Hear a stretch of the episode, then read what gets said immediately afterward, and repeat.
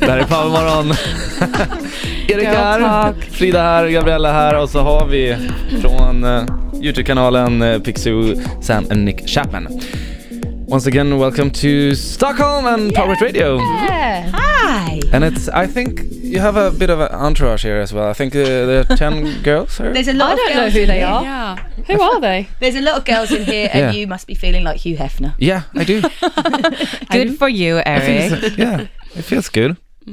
Uh, uh, uh, so um, we asked for three tips for this weekend. For We only came up with one. Go, Nick. Get really drunk, and then it doesn't matter. thank you very much. Det är ju ett bra tips.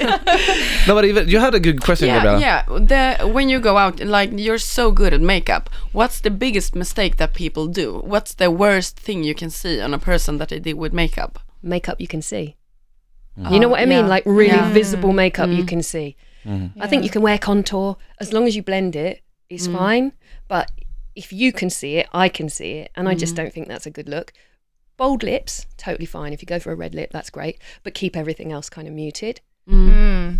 For me, it's that. I Typ think- en balans liksom. A balance. Mm. Yeah, a balance. I feel like there's a big trend for like tons of highlighter now, like highlighter on the end of the nose, on the forehead.